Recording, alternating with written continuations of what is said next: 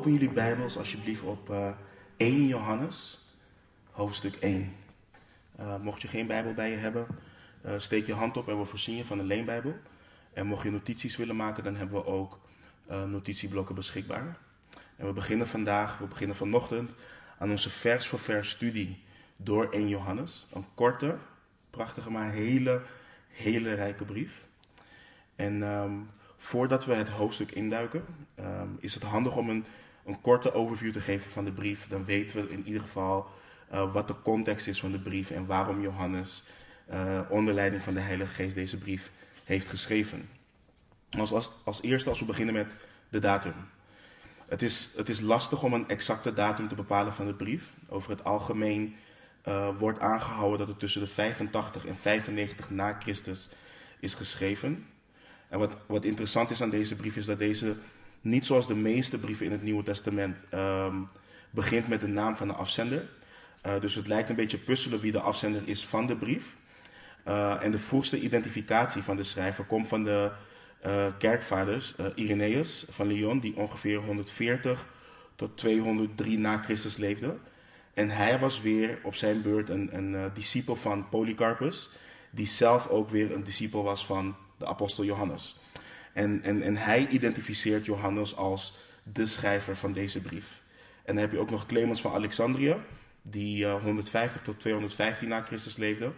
En die, uh, die schrijft de, de, deze brief ook toe aan uh, de apostel Johannes. En voor zover we weten is niemand anders voorgesteld door de vroege kerk dan, dan de apostel Johannes. En wat je ook ziet, je ziet veel overeenkomsten qua schrijfstijl en inhoud met het evangelie volgens Johannes, wat we een tijd geleden hebben behandeld. En, en door goed te lezen en te bestuderen zien we dat de schrijver van deze brief een ooggetuige moet zijn geweest um, van het leven en de bediening van de Heer Jezus Christus hier op aarde. En dat zien we in de eerste versen zien we dat al. En volgens de geschiedenis is Johannes op dit moment um, de enige apostel die nog leeft. En um, hij is inmiddels een man op leeftijd. En hij heeft het allemaal gezien. Uh, hij heeft met Christus gewandeld. Uh, hij heeft de kerk geboren zien worden. Uh, hij heeft de kerk zien groeien. maar hij heeft hier en daar heeft hij ook scheuringen meegemaakt. Dus probeer wanneer je deze brief ook leest, wanneer je deze brief bestudeert, te denken aan een man met heel veel geestelijke levenservaring. Een opziener op leeftijd met een immense liefde voor Christus. En een immense liefde voor de kerk, voor Gods lichaam, voor het lichaam van Christus. En onder leiding van de Heilige Geest schrijft Johannes deze brief met een aantal specifieke redenen. En wanneer we vers voor vers er doorheen gaan, dan gaan we in op de, ver, op, de, op de versen zelf. Maar het is wel handig om te zien wat de vier hoofdredenen zijn van deze brief. Ik heb ze ook hierop staan. Uh, ik weet niet of hij het doet. Hij lijkt het niet te doen, of is hij uit? Ja. Ja. Eerste is 1 Johannes 1, vers 4. En deze dingen schrijven wij u, opdat uw blijdschap volkomen wordt. Dus dat is de eerste, uh, eerste reden die we tegenkomen in de brief van 1 Johannes, waarom Johannes dit opschrijft. Nou, de tweede hoofdreden, die vinden we in 1 Johannes 2, vers 1. Mijn kinderen, ik schrijf u deze dingen, opdat u niet zondigt. En als iemand gezondigd heeft, wij hebben een voorspraak bij de Vader, ehm, Jezus Christus, de rechtvaardige. En dan komen de derde hoofdreden tegen, dus ook in uh, hoofdstuk 2. En dan schrijft hij, deze dingen heb ik u geschreven met betrekking tot hen die u misleiden. En de laatste en de vierde hoofdreden, die vinden we in hoofdstuk 5. En dan schrijft hij in 1 Johannes 5, vers 13, deze dingen heb ik geschreven aan u die gelooft in de naam van de Zoon van God, opdat u weet dat u het eeuwige leven hebt en opdat u gelooft in de naam van de Zoon van God. Dus dit zijn um, de, de, de vier hoofdredenen waarom Johannes deze brief schrijft. En waarom is het belangrijk om deze redenen van tevoren te benoemen en in gedachten te houden? Omdat God het volgende zegt in, um, in Jesaja 55. En het zijn prachtige versen waar, waar hij schrijft. Want zoals regen of sneeuw neerdaalt van de hemel en daarheen niet terugkeert, maar de aarde doorvochtigt en maakt dat zij voortbrengt en doet opkomen, zaad geeft aan de zaaier en brood aan de eter, eter, zo zal mijn woord zijn dat uit mijn mond uitgaat.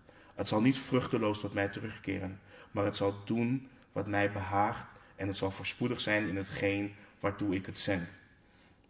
Dus het is een bemoediging om te weten dat Gods woord nooit vruchteloos tot hem terugkeert.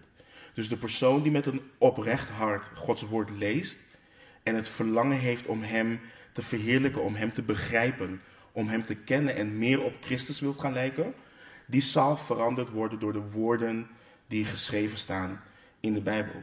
En als, als we deze vier redenen kijken, als je iemand bent die worstelt met bijvoorbeeld blijdschap, of met zonde, of met misleiding, of de zekerheid van je redding. Want er zijn mensen binnen het lichaam van Christus die worstelen met de zekerheid van hun redding.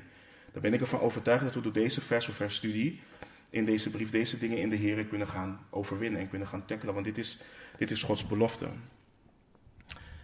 En het is ook belangrijk, voordat we um, het hoofdstuk indijken, is het volgende belangrijk. Um, om inzage te geven in hoe de gemeente of de gemeenten ervoor staan wanneer Johannes dit schrijft. Als we naar 1 Johannes 2, vers 19 kijken, zien we dat er mensen zijn die de fellowship hebben verlaten. Dus er heeft een splitsing plaatsgevonden um, in de kerk. En deze splitsing is veroorzaakt door valse leraren. En de leer die zij hanteerden was de beginfase van wat wij tegenwoordig kennen als gnosticisme. En gnosticisme was pas in de tweede of in de derde eeuw was dat volledig ontwikkeld. Maar dit, waren, dit was de beginfase daarvan.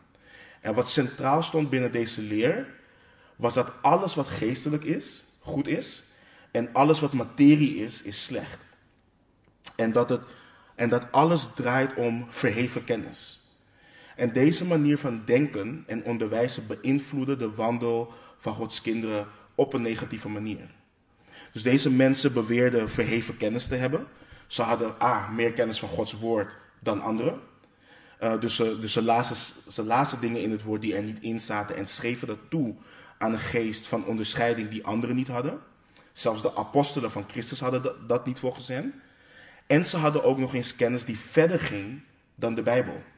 Buiten Bijbelse openbaringen. Verheven en mystieke kennis. En ze hadden een diepere en rijkere kennis van, Gods, van God en van Christus, beweerden zij.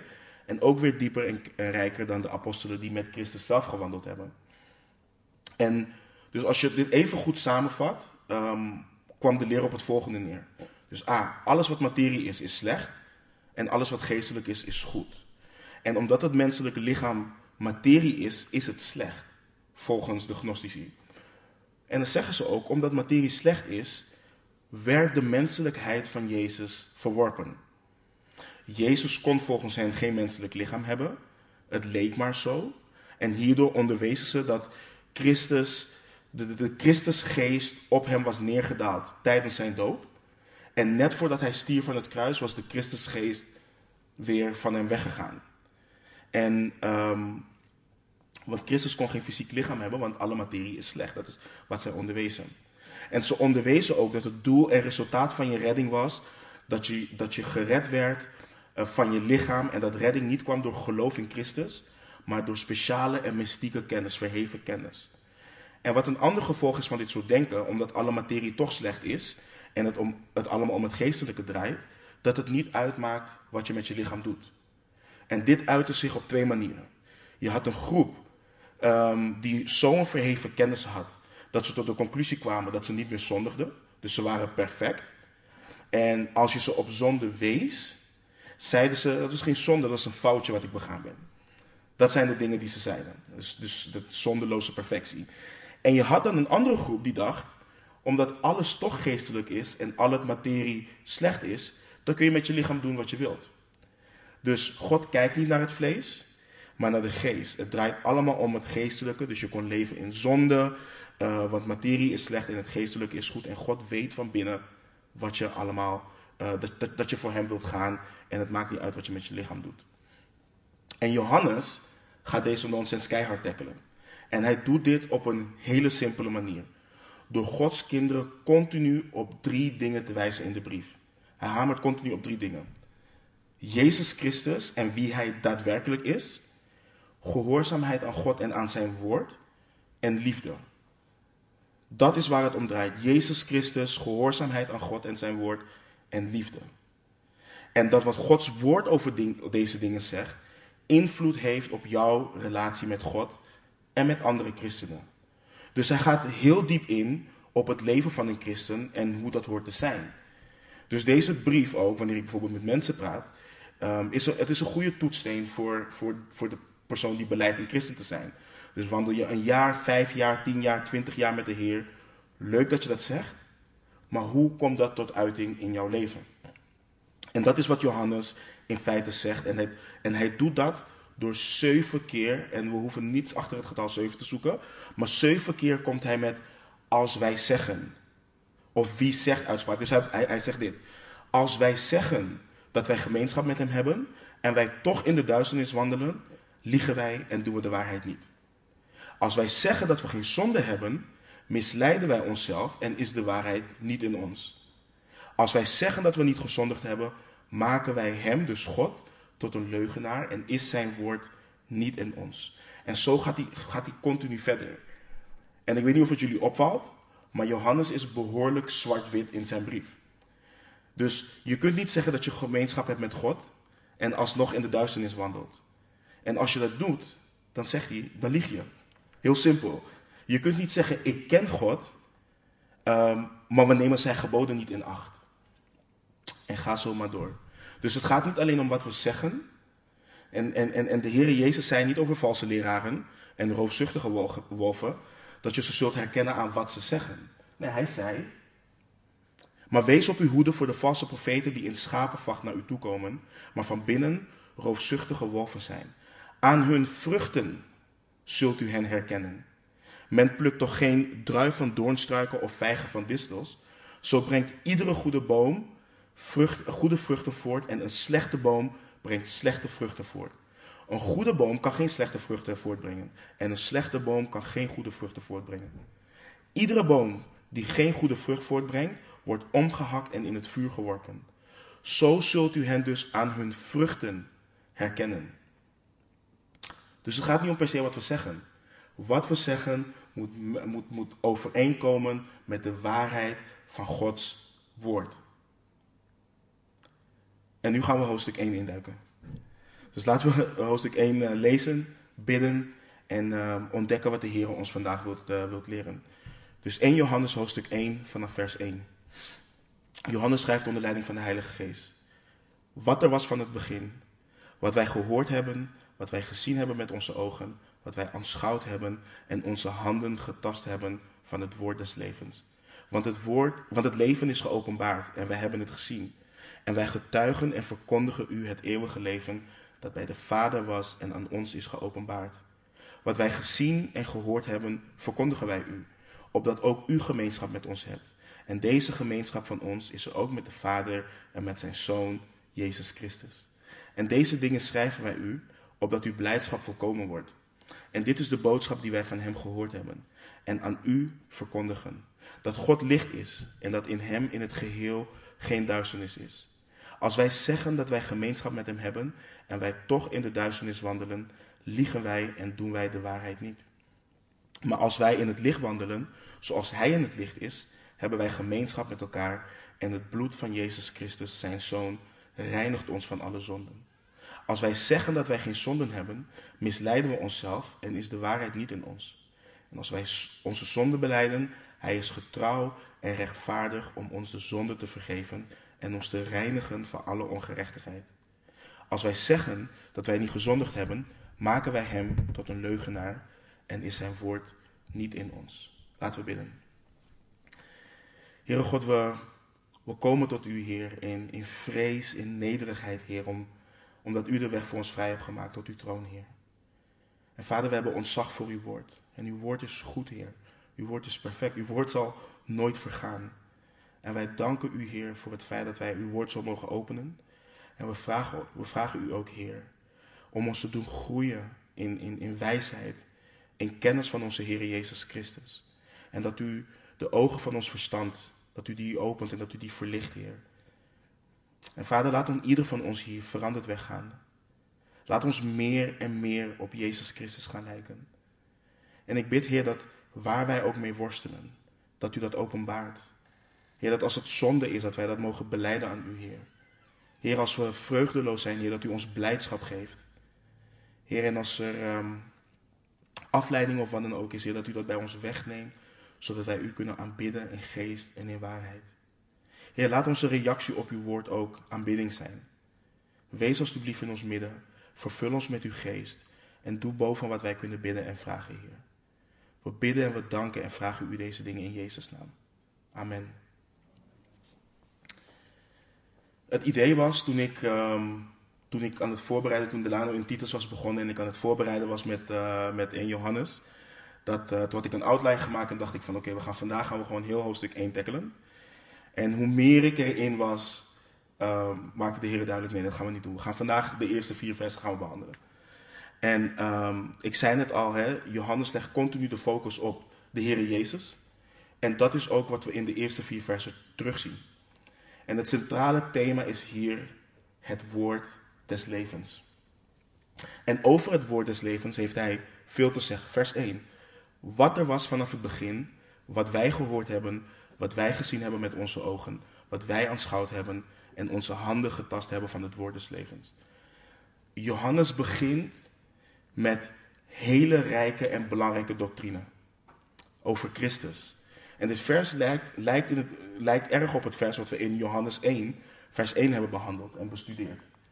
In het begin was het woord en het woord was bij God en het woord was God. Maar Johannes heeft een andere focus in deze brief. Want ja, het woord des levens, Jezus Christus, die hij verkondigt, is er altijd geweest. Vanaf het begin. Hij was er in het begin. Hij is niet in het begin geworden, hij was er al. Toen God in het begin de hemel en de aarde schiep, was Christus er. Toen God zei, laat er licht zijn, was Christus er. Toen het leven werd gegeven aan alles wat, er wat, wat leven heeft, was Christus er. En toen God zei, laten we mensen maken naar ons beeld, naar onze gelijkenis, was Christus er. Maar Johannes legt niet per se de focus daarop. Hij legt de focus op het aardse leven en de bediening van Christus. Het woord des levens is namelijk vlees geworden. Het is mens geworden. God de Zoon is vlees geworden. Dus het begin in deze brief van Johannes heeft als eerste betrekking op de verkondiging van het evangelie van de waarheid over Gods Zoon, waar de apostelen ooggetuigen van waren. Dus Johannes maakt onder leiding van de Heilige Geest duidelijk dat hij, in tegenstelling tot wat de valse leraren verkondigen, absolute waarheid verkondigt over Jezus Christus. En die waarheid is niet veranderd. Het is hetzelfde als vanaf het moment dat Johannes de Doper verscheen en hij de weg kwam vrijmaken voor uh, de Christus. Er is geen nieuwe informatie, er is geen mystieke kennis, geen verheven kennis. Hij zegt, blijf bij wat jullie geleerd is. Verwerp wat deze valse leraren, deze antichristen zoals hij ze in deze brief noemt, vertellen over Jezus. Hij zegt, de boodschap, het evangelie is nooit veranderd. Alles wat de apostelen hebben verkondigd, verkondig ik jullie. De boodschap is altijd hetzelfde gebleven. En Petrus, die schrijft dit ook onder leiding van de Heilige Geest. Hij schrijft, want, want wij zijn geen kunstig bedachte verzinsels gevolgd, toen wij u de kracht en de komst van onze Heer Jezus Christus bekend maakten. Maar wij zijn ooggetuigen geweest van zijn majesteit. 2 Petrus 1,16. Dus hij zegt, wij weten waar we het over hebben. En deze dingen zijn niet verzonnen. En die valse leraren, die verkondigen kunstig bedachte verzinsels. Een beetje van Gods woord, een beetje van Griekse filosofie. En dat, dat vermengen ze, dat brengen ze. En Johannes schrijft, jullie hebben niets nieuws nodig. En dat is het altijd met valse leraren. Valse leraren komen altijd met iets nieuws. Ze hebben altijd een nieuwe openbaring. Het is altijd net een beetje anders. Ze praten over God, ze praten over Jezus. Maar het is allemaal anders, allemaal nieuw. En Johannes zegt nee, blijf bij wat de apostelen geleerd hebben. En we hebben het vorige week ook behandeld. Wat deed de eerste kerk? Ze verharden in de leer van de apostelen. Handelingen 2:42. En ik hoop dat, we, dat dit versie wat we behandelen onze zekerheid in het evangelie verstevigt. Dat ons ontzag voor het evangelie zoals overgeleverd aan de apostelen, groeit. Toevoegen aan het evangelie verandert het evangelie en breekt het evangelie af. Hoe reageerde de apostel Paulus toen de Galaten in een ander evangelie zijn gaan geloven? Ik verwonder mij. Galaten 1, vers 6. Ik verwonder mij erover dat u zich zo snel afwendt van hem die u in de genade van Christus geroepen heeft. Naar een ander evangelie, terwijl er geen ander is. Al zijn er ook sommigen die u in verwarring brengen en het evangelie van Christus willen verdraaien. En wat schrijft Paulus over deze mensen die een ander evangelie komen brengen? En hoe belangrijk is het dat wij blijven bij wat er overgeleverd is? Paulus schrijft dit, als je, als je verder leeft vanaf vers 8. Maar zelfs als wij of een engel uit de hemel u een evangelie zouden verkondigen, anders dan wat wij u verkondigd hebben, die zij vervloekt. En hij herhaalt het weer. Zoals wij eerder gezegd hebben, zo zeg ik u ook nu weer. Als iemand u een evangelie verkondigt, anders dan wat u ontvangen hebt, die zij vervloekt. Het evangelie zoals overgeleverd, vergeving van zonden, eeuwig leven, gemeenschap met God en met andere christenen, liefde, die dingen veranderen niet. God heeft zijn stempel op die boodschap gezet omdat hij die boodschap gegeven heeft.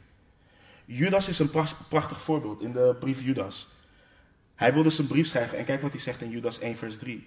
Geliefde, toen ik mij er met alle inzet toe zette u te schrijven over de gemeenschappelijke zaligheid. Dus hij wilde gaan schrijven over het evangelie. Over het feit dat we delen in het evangelie. Werd ik genoodzaakt u te schrijven met de aansporing om te strijden voor het geloof dat eenmaal aan de heiligen overgeleverd is. En dat woord eenmaal, wat we lezen, leert ons dat de boodschap van het geloof voor eens en voor altijd aan ons gegeven is. Het is compleet. En waarom schrijft Judas dit? Vers 4. Want er zijn sommige mensen binnengeslopen die tot dit oordeel al lang tevoren opgeschreven zijn. Goddelozen die de genade van onze God veranderen in losbandigheid. En die de enige heerser, God en onze Heer Jezus Christus verlogenen. En wat zie je in veel kringen? Nieuwe openbaringen, nieuwe kennis, verheven kennis. De meeste van jullie kennen Joseph Smith wel, de stichter van de Mormoonse kerk. Hij beweert dat God en de God de Vader en Jezus Christus aan hem verschenen zijn. En dat hij een nieuwe godsdienst moest starten. Want wat er in de kerk gebeurde, dat het een gruwel was in Gods ogen. Niemand kon het toetsen. Het kon niet getoetst worden aan Gods woord, maar hij heeft die openbaring gehad. En wat gebeurde er? Volgens de Mormonen is die kerk de enige ware kerk van God. En Mormonen, Mormonen geloven niet in de Bijbel zoals wij dat geloven. Ze hebben andere bronnen. Ze hebben het boek van de Mormonen waar Jozef Smith over zegt, en ik citeer. Jozef Smith zegt dit. Het boek van de Mormonen is het meest correcte, correcte van elk boek op deze aarde. En de hoeksteen van onze religie. En een man zou dichter bij God komen door zich aan zijn voorschriften te houden dan enig ander boek. Einde citaat. Het lef en gebrek aan ontzag en vrees wat je moet hebben voor de enige God die bestaat, wil je deze nonsens uitkramen. En dit is ook wat die gnostici verkondigen. Kennis die men dichter bij God brengt. En zo heb je allerlei religies, allerlei takken, stromingen die claimen iets nieuws te hebben. Die claimen dingen beter te weten dan de apostelen. Of dat ze zeggen dat de apostel Paulus of de apostel Petrus niet betrouwbaar zijn. En we horen daar tegen te strijden.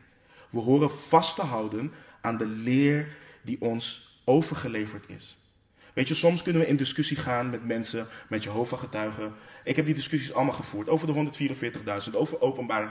Ik wil één ding weten. Wat vertel jij mij over Jezus Christus? Als jouw doctrine over Jezus Christus niet klopt, dan hebben we geen basis om te praten over de 144.000. Dat is de basis. En Jezus zei ook in Matthäus 7:15. Wees op uw hoede voor de valse profeten, die in schapenvacht naar u toe komen, maar van binnen roofzuchtige wolven zijn. En let op wat er staat, hè? Ze komen in schapenvacht. Dat betekent dat een wolf er niet uitziet als een wolf. Je denkt dat hij één van jou is. Dat is wat Jezus hier zegt. Dus we moeten de Bijbel moeten we kennen om deze mensen te herkennen. Uh, Paulus, toen hij de uh, ouderlingen in Efeze achterliet. Kijk wat hij zegt. Handelingen 20. Daarom betuig ik u op de huidige dag dat ik rein ben van het bloed van u allen. Want ik heb niet nagelaten uw hele raadsbesluit van God te verkondigen. Zie dan toe op uzelf en op heel de kudde, te midden waarvan de Heilige Geest u tot opzieners aangesteld heeft om de gemeente van God te wijden, die hij verkregen heeft door zijn eigen bloed. En dan zegt hij dit, want dit weet ik, dat na mijn vertrek vrede wolven bij u zullen binnenkomen, die de kudde niet sparen. En dat niet uit uw eigen midden mannen zullen opstaan, die de waarheid, en dat uit uw eigen midden mannen zullen opstaan, die de waarheid verdraaien om de discipelen weg te trekken achter zich aan. En dat is het ding ook met valse leraren. Valse leraren willen mensen achter hen aantrekken. Volgelingen van Christus willen mensen achter Jezus aankrijgen. Ze willen, ze willen dat men zich focust op Christus. Want alleen Christus kan een mens, eh, een mens veranderen. Alleen Christus kan een mens redden. Dus we hebben geen nieuwe waarheid nodig over Christus, maar de eeuwige waarheid die overgeleverd is. En de schrijver van Hebreeën, die schrijft ook mooi: Jezus Christus is gisteren en heden dezelfde en tot in de eeuwigheid. En Johannes schrijft daarom: wat er was vanaf het begin, dat is wat hij verkondigt. Hij bevestigt zijn autoriteit en betrouwbaarheid als apostel en het feit dat hij over deze dingen kan schrijven door duidelijk te maken dat hij een ooggetuige was van het leven en de bediening van de Heer Jezus Christus. Dus de vraag aan zijn lezers is: wie gaan jullie geloven? Deze zogenaamde valse leraren met verheven en vage kennis? Of ga je ons geloven, wij die apostelen zijn die met Christus gewandeld hebben? En dit is, nogmaals, dit is waarom we onze Bijbels horen te kennen. Dit is waarom het belangrijk is dat je je aansluit bij een bijbelgetrouwe gemeente waar Gods woord verklaard wordt. Waar men zich houdt aan de woorden van de Bijbel en niet aan slimme verhalen en nieuwe inzichten. Want daar waar Gods woord verkondigt, spreekt Gods geest zelf. En dat is waar mensen meer en meer veranderen naar het evenbeeld van Christus. Dat is waar Christus zijn gemeente bouwt. En ik heb het niet over aantallen, ik heb het over een rijk geestelijk leven in Christus. En Johannes maakt duidelijk dat deze Jezus geïncarneerd is in het vlees en bevestigt dat door te schrijven wat wij hebben gehoord. Dus Johannes en de apostelen hebben het onderwijs van Christus gehoord. Ze hebben gehoord hoe het woord des levens tegen mensen sprak. Hoe hij tot de fariseeën en de sadduceeën sprak. Ze hebben gehoord hoe hij onderwees over het koninkrijk van God. Ze hebben gehoord hoe hij Lazarus uit de dood heeft geroepen. Hoe hij riep, als iemand dorst heeft, laat hij tot mij komen en drinken. Wie in mij gelooft, zoals de schrift zegt, stromen van levend water zullen uit zijn binnenste vloeien. Al die dingen hebben zij gehoord. En Johannes maakt duidelijk, de Jezus die eeuwig is en het goede nieuws heeft gebracht, die Jezus hebben wij gehoord, die verkondigen wij jullie. En hij gaat verder en schrijft wat wij gezien hebben met onze ogen. Dus Johannes heeft het woord des levens niet alleen gehoord, hij heeft hem gezien met zijn eigen ogen en hij legt een nadruk op met zijn eigen ogen. Het was niet iets mystieks, het was geen geest, het was God in het vlees. Het was geen visioen of een droom wat hij heeft gezien. Hij heeft gezien hoe Christus wandelde, hoe hij mensen genas, hoe hij op het water liep, hoe hij water in wijn veranderde. Al die dingen, hoe hij van gedaante veranderde op de berg. En Johannes schrijft dat hij Jezus heeft gezien met zijn eigen ogen. En dan gaat hij verder en dan schrijft hij wat wij aanschouwd hebben. En in eerste instantie zou je denken dat dit hetzelfde is als met je ogen zien. Maar in de Griekse, Griekse taal schetst dit het idee dat ze hebben gestaard naar Christus. Ze hebben hem geobserveerd, bestudeerd. Het is hetzelfde als wanneer je iets grondig doorzoekt en elk klein detail ervan wilt weten. En, en elk klein detail aanschouwt. Je fixeert je ogen erop en je doorgrondt het met je ogen. En wanneer je het doorhebt, dan maakt het impact op je. Dus wat ze hoorden en zagen, zette hen aan tot het fixeren van hun ogen op Christus. Kijk, wij, wij hebben niet het voorrecht, net zoals Johannes en de andere apostelen, om Christus fysiek te zien. En we hebben niet het voorrecht om hem fysiek te horen en te aanschouwen. Maar die dag komt dat we Hem van aangezicht tot aangezicht zullen zien. Die dag gaat komen. En dat we Hem zullen zien zoals Hij is, in Zijn glorie, in Zijn majesteit, in Zijn heerlijkheid. Maar we kunnen Hem nu horen door Gods woord te bestuderen. En de vraag is, spreekt Christus tot jou? Hoor jij Christus spreken door Zijn woord? Want om Hem te horen moet je tijd doorbrengen in het woord. En wat een voorrecht is het, ik weet niet of we het beseffen, soms zie je in, in landen als India, in dorpen waar ze geen Bijbels hebben. Wanneer die mensen een Bijbel krijgen, die mensen barsten uit in tranen. Omdat ze Gods woord eindelijk kunnen lezen. Ze hebben dus gehoord van Gods goedheid. En nu kunnen ze met hun eigen ogen lezen wie Christus is.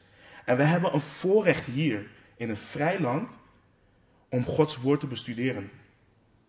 We hoeven niet te gissen wat hij heeft gezegd. We hoeven niet te gissen wie hij was, wat hij dacht, hoe hij wil dat wij zijn en noem maar op. We kunnen Christus zien door over hem te lezen. Dat we hem kunnen aanschouwen. Onze ogen kunnen we nu op hem fixeren. We kunnen zijn leven ontleden door elk overgeleverd woord wat we hebben. En mijn oproep aan jullie broeders, zuster, fixeer je ogen op Christus. Hoor hem, luister naar hem. Aanschouw zijn glorie en zijn heerlijkheid in Gods woord. Dat is wat de apostelen deden vanaf het moment dat Christus geopenbaard is. Dat is wat de kerk deed. Dat is wat de kerkvaders deden. Dat is, Christus, dat is wat Christus wil dat wij doen. En Johannes gaat verder en hij schrijft: Onze handen hebben hem getast, het woord des leven. Dus hij rekent af met al die valse leraren dat Christus geen fysiek lichaam had. We hebben hem niet alleen gezien, we hebben hem niet alleen gehoord, we hebben hem niet alleen aanschouwd. We hebben de eeuwige God, die gelijk aan zondig vlees is geworden, maar zelfs zonder zonde was, hebben wij getast met onze handen. En de Heere Jezus zei zelf toen, zie mijn handen en mijn voeten, want ik ben het zelf. Raak mij aan en zie, want een geest heeft geen vlees en beenderen, zoals u ziet dat ik heb. En Johannes schreef in zijn evangelie, hele rijke doctrine, en het woord is vlees geworden en heeft onder ons gewoond. En wij hebben zijn heerlijkheid gezien, een heerlijkheid als van de enige geboren van de Vader, vol van genade en waarheid. Hij heeft ons onder ons getabernakeld, zijn tent opgezet. Hij heeft in het vlees onder ons gewoond. En waarom is dit belangrijk?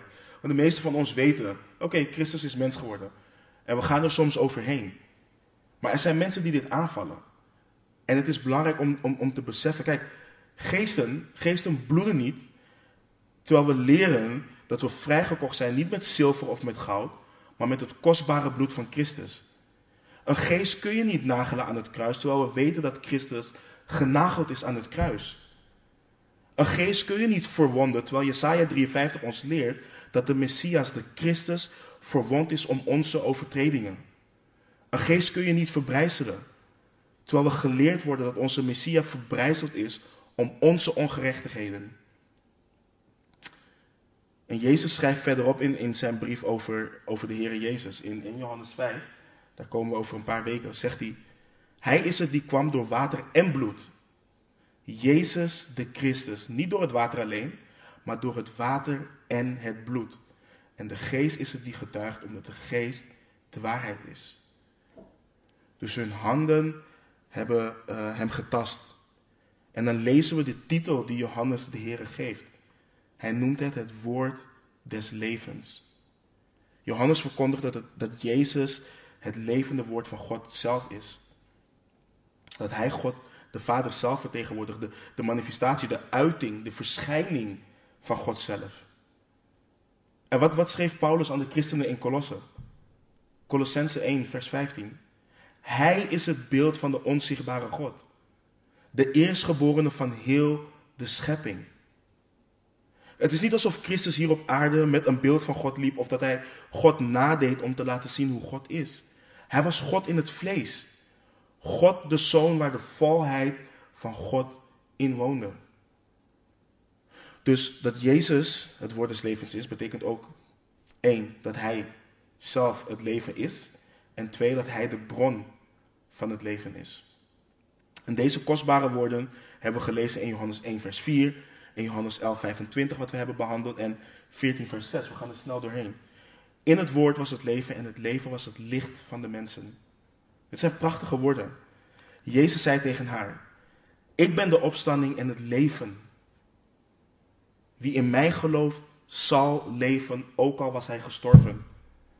Of waar hij zegt: Ik ben de weg, de waarheid en het leven. Niemand komt tot de Vader dan door mij. Door hem heeft de Vader alles geschapen en door hem kwam er leven en is er leven. Het verlossingsplan van de Vader vereiste dat het eeuwige woord des levens vlees werd. God de Zoon werd mens zodat hij kon sterven. En zijn dood in onze plaats, waarmee hij onze straf droeg, heeft de straf betaald voor de zonde die wij zelf niet kunnen betalen. Het verschaft het eeuwige leven voor allen die, in hem, die hem ontvangen in het geloof. Hij is de bron van al het leven. Hij is het woord des levens. En het is makkelijk om God de Vader deze titel te geven. En hem op deze manier te zien. Bij de schepping denken we vaak aan God de Vader. En, en, en de Heer zien we als de leidende dienaar. En dat, en dat was hij ook, onder andere. Maar hoe vaak staan we stil bij het feit dat Christus de bron van het leven is? Dat hij gelijk aan God is, aan God de Vader is in, in glorie, in macht, in, in kracht en in heerlijkheid. Hoe vaak staan we daarbij stil? En Johannes gaat verder en hij schrijft in vers 2, dat was allemaal vers 1, nu vers 2, want het leven is geopenbaard. En wij hebben het gezien en wij getuigen en verkondigen u het eeuwige leven. Dat bij de Vader was en aan ons is geopenbaard. Twee keer schrijft Johannes aan ons dat het leven geopenbaard is. Hij schrijft dat het eeuwige leven bij de Vader was en geopenbaard is. Het leven is zichtbaar geworden, verschenen in het vlees. Hij geeft hen daar dus zekerheid van. Hij zegt wat ik gezien heb, wat ik gehoord heb, wat ik aanschouwd heb, wat ik aangeraakt heb, is het eeuwige leven van God geopenbaard in het vlees. En de vraag is, hoort dit ons niet te doen juichen van vreugde? Hoort dit onze blijdschap niet volledig te maken? Weten dat God de Zoon naar aarde is gekomen, mens is geworden, geopenbaard is. Hij is gekomen terwijl hij deelde in de eeuwige fellowship tussen de Vader en de Heilige Geest. Hij is geopenbaard. En waarom? Omdat jij en ik dood waren in onze overtredingen. Omdat jij en ik als zonen en dochters van Adam in zonde worden geboren en rebelleren tegen een heilig God. En hoorde dan ons, hoorde ons die geloven in Christus niet te doen juichen, omdat het enige wat wij verdienen de dood is. We verdienen het leven niet. Maar de Zoon, het leven, Hij die de afstraling is van Gods heerlijkheid, Hij is geopenbaard. En let op wat Johannes schrijft. Wij getuigen en verkondigen u het eeuwige leven. En in vers 3 schrijft hij ook dat, hij, dat, dat zij het eeuwige leven verkondigen. Wat wij gezien en gehoord hebben, verkondigen wij u, opdat ook u gemeenschap met ons hebt.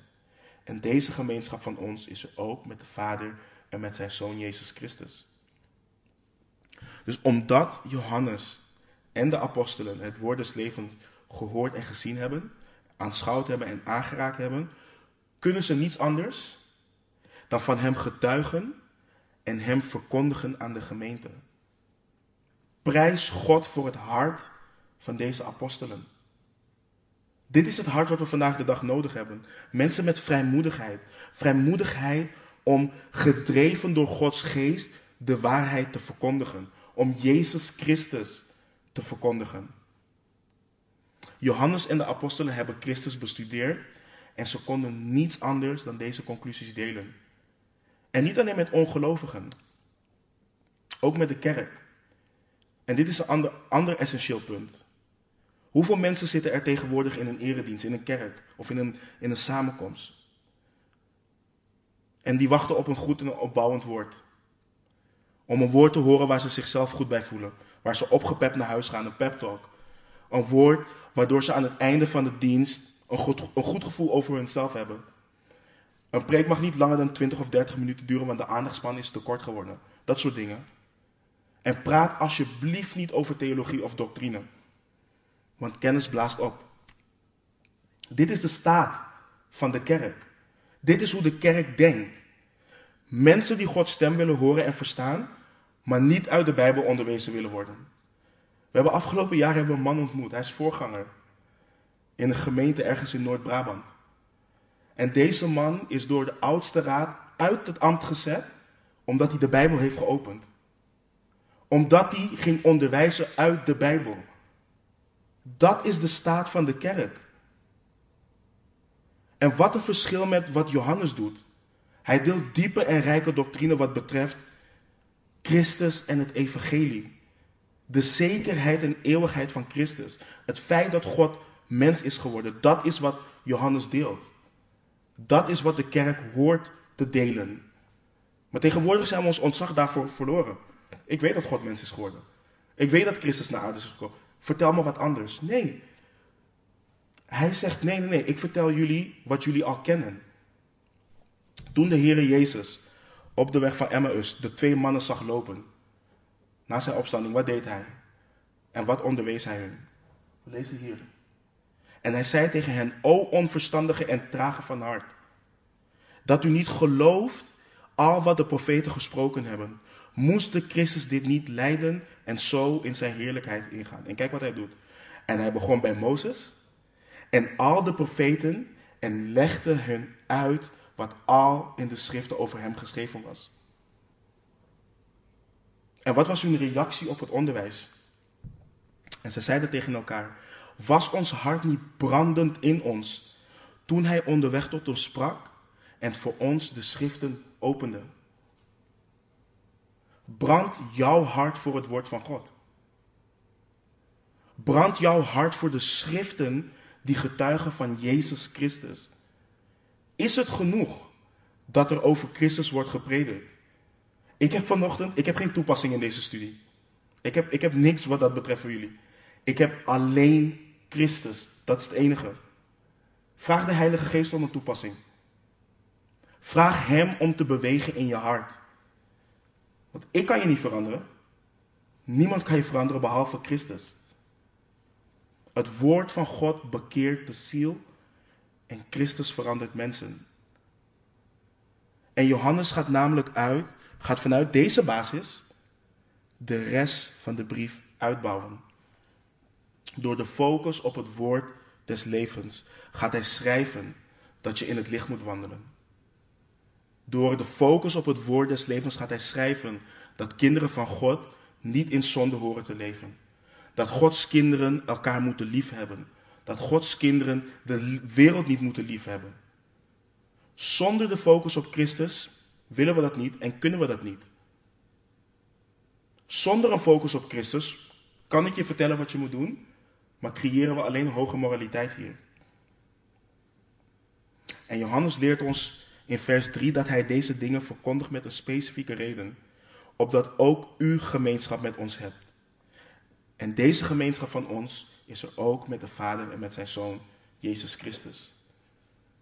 Het woord gemeenschap is belangrijk. Het Griekse woord voor gemeenschap, wat, wat wordt gebruikt, is het woord koinonia. En dat betekent partnerschap. Het betekent dat we delen in iets gemeenschappelijks. En Johannes legt uit dat wat hij over Christus heeft geschreven, dat dat de basis is voor de gemeenschap, voor de koinonia tussen christenen. Niets anders. De basis voor fellowship is Jezus Christus. En wat Johannes duidelijk maakt, is een juist en correct beeld van Jezus Christus. Dus de vraag is: is theologie belangrijk? Is doctrine belangrijk? Ja. Wat jij gelooft en wat ik geloof bepaalt of er koinonia is. En Johannes maakt duidelijk dat er maar één juist beeld van Christus is. Dat is wat hij duidelijk maakt. Theologie, de waarheid over Jezus, is wat Johannes gebruikt om de basis te leggen voor de fellowship tussen hem en andere gelovigen. Hij gebruikt geen verheven kennis. Hij gaat niet af op gevoel. Nee, het feit dat, God, dat hij God heeft bestudeerd, dat is wat hij gebruikt. Dat hij God heeft aanschouwd en verkondigd wat hij gehoord heeft, gezien heeft en aanschouwd heeft. Het is niet, jij kan je beeld hebben van Christus, ik kan mijn beeld hebben van Christus. Nee, nee, nee. God heeft Christus gezonden. En hij heeft ons God verklaard. Hij heeft ons de woorden van God gegeven. Weet je, vaak hoor ik mensen praten en vaak komen mensen naar mij toe of naar Delano toe. Jullie hebben het altijd over doctrine. Jullie praten alleen over theologie. Jullie hebben het altijd over de Bijbel. Sergio heeft het ook wel eens meegemaakt. Jullie praten altijd continu over wat er in de Bijbel staat. Over wat, over wat anders moet ik het hebben? Ik kan over niks anders praten. En de reden dat ik dat doe, en ik weet dat ik namens de landen mag spreken, omdat theologie over God gaat. Doctrine gaat over Christus. Want alleen de waarheid kan ervoor zorgen dat jij en ik samen delen in Christus. Het feit dat Christus bij de Vader was, spreekt van de eeuwige gemeenschap tussen Vader en Zoon. Het feit dat hij geopenbaard is, spreekt van het feit dat God in het vlees is gekomen. En dan zegt iemand misschien, ja, ik ken de Bijbel, ik ken de verhalen in de Bijbel. Maar de christenen in Colosse kenden de verhalen van de Bijbel ook. En weet je wat Paulus aan, deed aan het begin van, van zijn brief Colossense? Dat is een lang stuk, we gaan het lezen. Colossense 1. En ik heb een paar dingen bold gemaakt, gemarkeerd. Kijk wat hij doet. Hij is het beeld van de onzichtbare God. De eerstgeborene van heel de schepping. Want door hem zijn alle dingen geschapen die in de hemelen en die op de aarde zijn. Die zichtbaar en die onzichtbaar zijn. Tronen, heerschappijen, overheden of machten. Alle dingen zijn door hem en voor hem geschapen. En hij is voor alle dingen. En alle dingen bestaan tezamen door hem. En hij is het hoofd van het lichaam, namelijk van de gemeente. Hij die het begin is, de eerstgeborene uit de doden, opdat hij in allen de eerste zal zijn. Want het heeft de Vader behaagd dat in hem heel de volheid wonen zou. En dat hij door hem alle dingen met zichzelf verzoenen zou. Door, de, door vrede te maken door het bloed van zijn kruis. Ja, door hem. Zowel de dingen die op aarde zijn als de dingen die in de hemelen zijn. En hij heeft u, die voorheen vervreemd was en vijandig gezind, zoals bleek uit uw slechte daden, nu ook verzoend. Christus, Christus, Christus, Christus. Dat is waar het over gaat. En deze mensen kennen de Bijbel. Maar het is door Hem, in Hem, voor Hem. Alles is Christus. Rijk aan de Heere Jezus Christus. Paulus had het alleen over Jezus Christus. Hij maakte Christus groot. Hij predikte Christus. Hij wil dat mensen hun ogen fixeren op Jezus Christus. Petrus, ander voorbeeld. Hij heeft de christenen verteld over de heerlijkheid van God. Over de gemeenschappelijke zaligheid die ze hebben. En kijk wat hij schrijft. Daarom zal ik niet nalaten u altijd aan deze dingen te herinneren, hoewel u ze weet en in de waarheid die bij u is versterkt bent. Hij blijft ze herinneren. Het evangelie, het goede nieuws, Jezus Christus, hoeveel je ook denkt te weten, blijf deze dingen herinneren. Wat God heeft gegeven, dat is waar we bezig mee moeten zijn. En het is niet aan ons om Christus te definiëren, Veranderen we Christus, dan veranderen we het evangelie. En als we het evangelie veranderen, dan hebben we geen redding. Want er is maar één evangelie wat redt. En dat is het evangelie van Jezus Christus. Hij heeft zichzelf geopenbaard en daarom schrijft Johannes. Wat wij gezien hebben, en wat wij gezien en gehoord hebben, verkondigen wij u, opdat ook u gemeenschap met ons hebt. En deze gemeenschap van ons is er ook met de Vader en met zijn Zoon, Jezus Christus. Dus Johannes maakt duidelijk dat de gemeenschap er ook met de Vader en zijn Zoon is. En dit, dit wordt alleen maar mogelijk gemaakt door de Zoon. Niemand komt tot de Vader dan door de Zoon. Er is geen gemeenschap met de Vader zonder de Zoon. je hebt moslims die komen zeggen, we aanbidden dezelfde God. Allah en Yahweh zijn hetzelfde. Nee, zij geloven wat anders over Christus. Dus ze dienen, we dienen niet dezelfde God. Je hebt mensen die het allemaal over één kam willen scheren. We aanbidden dezelfde God. Het is niet waar. Als jij geen fellowship hebt met de zoon, heb je geen fellowship met de vader. Als jij de zoon niet aanbidt, dan aanbid je misschien een God, maar dan aanbid je een God met een kleine g. Niet, niet de God van de Bijbel. En daarom schrijft hij, en deze dingen schrijven wij u, opdat uw blijdschap volkomen wordt. Johannes schrijft de, redenen, schrijft de reden voor al deze informatie. In, in oudere vertalingen staat trouwens dat er staat op dat onze blijdschap voorkomen wordt. En je hebt het ook in, volgens mij in de New King James of in de King James versie. En ik geloof dat dat ook de betere vertaling is. Hij doet dit opdat zijn vreugde volkomen uh, en compleet wordt. En ehm, dat het ook vervolgens compleet zal worden in de gelovigen aan wie hij schrijft. En dat zij gemeenschap met elkaar zullen hebben. Door het eh, apostolische getuigenis en met de Vader en de Zoon. En hun gehoorzaamheid aan deze woorden zal resulteren in het feit dat ook zij volkomen worden in de blijdschap door de onderlinge gemeenschap. En dit is belangrijk. De blijdschap waarna hij verwijst, wordt vermeld in zijn evangelie. Deze vreugde is onlosmakelijk verbonden met de zaligheid die aanwezigheid in de zoon. Die, die aanwezigheid, uh, aanwezig is in de zoon. En wat Johannes doet, is doorgaan in wat de Heer Jezus zelf heeft gezegd. En zelf heeft overgeleverd. In Johannes 15 en 16 hebben we ook gelezen dat het het verlangen was, of verlangen is van de Heer Jezus Christus. Dat zijn volgelingen blijdschap zullen hebben door zijn woorden en door het verlossende werk van hem. En Johannes laat zien dat onze blijdschap als christenen alleen voorkomen wordt in de persoon Jezus Christus en niets anders. De wereld kan onze blijdschap niet volkomen maken. Christus heeft gesproken opdat zijn blijdschap in ons zal blijven en onze blijdschap volkomen zal worden. En de vraag is een simpele vraag: hoe zit het met jouw blijdschap? Waardoor wordt jouw blijdschap volkomen? Weet je, we willen heel veel dingen. De ene wordt blij in een bediening die hij of zij zit, of een bediening die hij of zij wilt uitoefenen, of wat dan ook. En, en, en denk, denk dit gebouw weg, denk je baan weg, denk je huis weg. Al je bezittingen, al je talenten, alles, je hobby's, noem maar op. En weet je wat er overblijft? Een persoon vrijgekocht met het bloed van Jezus Christus, gered door Gods genade. Dat is wat er overblijft. En maak dat jouw blijdschap volkomen. Als alles wordt weggenomen. Want het enige wat niet weggenomen kan worden, is de blijdschap in Christus. Dus Johannes zegt, dit is de basis, broeders en zusters. De boodschap die ik verkondigd heb vanaf het begin, die alle andere apostels hebben verkondigd, die Johannes de Doper heeft verkondigd, Jezus Christus, het woord des levens. Jezus die in eeuwigheid bij de Vader was. Hij is aan ons geopenbaard. Ik heb Hem gezien, ik heb Hem gehoord, ik heb Hem aanschouwd, ik heb Hem aangeraakt. Deze Jezus verkondig ik, die predik ik en door Hem alleen kunnen we delen in de gemeenschap. Door Hem wordt onze blijdschap volkomen. Dus de wetenschap dat God vlees is geworden. Geloof in, geloof in die Jezus geeft leven, dat is wat zeker is. Dat is het echte leven in Christus. Het woord des levens. Amen. Laten we bidden. Heere God, het is een rijkdom wat wat u overgeleverd hebt in uw woord, Heer. Is, Heer, het feit dat u naar aarde bent gekomen, Heer, dat u uw troon verlaten hebt, Heer, om gelijk te worden aan zondige mensen als wij, Heer. Maar dat u zelf zonder zonde was. Heer, dat u gekomen bent om de heerlijkheid van onze Vader kenbaar te maken.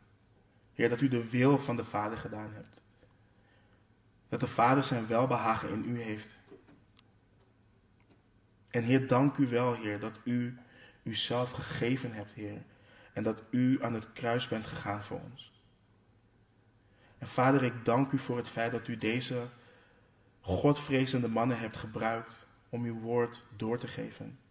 Dat u hen de vrijmoedigheid hebt gegeven, dat u hen uw geest, uw wijsheid hebt gegeven, Heer om ons die 2000 jaar later deze woorden openen ook de impact hiervan mogen ervaren, Heer. En wij hebben niet het voorrecht om u fysiek te zien, Heer, op dit moment. En Heer, we kijken uit naar die dag dat we u van aangezicht tot aangezicht zullen zien, Heer.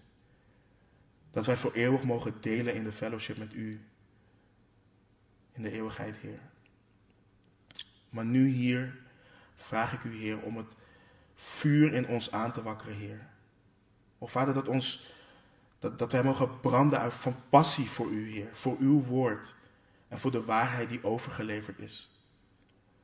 Heer, dat deze waarheid ons zal veranderen, iedere dag meer. Heer, dat daar waar wij worstelen met zonde, Heer, dat Uw woord ons helpt om dat te overwinnen, Heer. Heer, dat het daar waar wij dreigen misleid te worden, Heer, dat Uw woord ons daartegen beschermt, Heer. En ik bid u, Heer, dat wij die uw schapen zijn, Heer, dat wij uw stem mogen horen en dat wij uw stem mogen verstaan. Heer, u zegt dat wij goed, rentmeesters moeten zijn over alles wat wij hebben, Heer. Ook over onze tijd. En ik bid voor een ieder van ons, Heer, dat de tijd die wij hebben, dat wij die teruggeven aan u. Vader, dat wij onze dag met u beginnen. Dat wij door de dag met u wandelen. Dat wij onze ogen fixeren op Jezus Christus. Heer, dat wij als wij samenkomen in de fellowship, Heer, dat u centraal staat. Dat we elkaar bemoedigen met deze woorden. Met lofzangen en met psalmen. Heer, doe een groot werk in ons, Heer. Daar waar de wereld nog aan ons strekt. Daar waar wij misschien niet de noden inzien van hoe belangrijk het is om uw woord te bestuderen elke dag, Heer. Dat u ons denken daarin hernieuwt. En dat wij ons focussen op u, Heer. En Heer, voor de mensen hier die kinderen hebben, die kleinkinderen hebben, die ooms en tantes zijn, Heer. Dat wij deze dingen mogen doorgeven aan onze kinderen, aan onze neefjes en nichtjes, aan onze kleinkinderen. Dat deze kinderen mogen opgroeien in een gezonde vrees voor u. En dat ze van u zullen houden. En hoe klein ze ook zijn, dat ze ook vrijmoedigheid zullen krijgen om uw woord te verkondigen, Heer. En help die kinderen ook in ons leven te zien dat wij van Christus houden en dat wij willen wandelen zoals Christus gewandeld heeft. Heer, u bent goed, Heer, en we houden van u. We loven en prijzen uw naam en bidden al deze dingen. In Jezus' naam. Amen.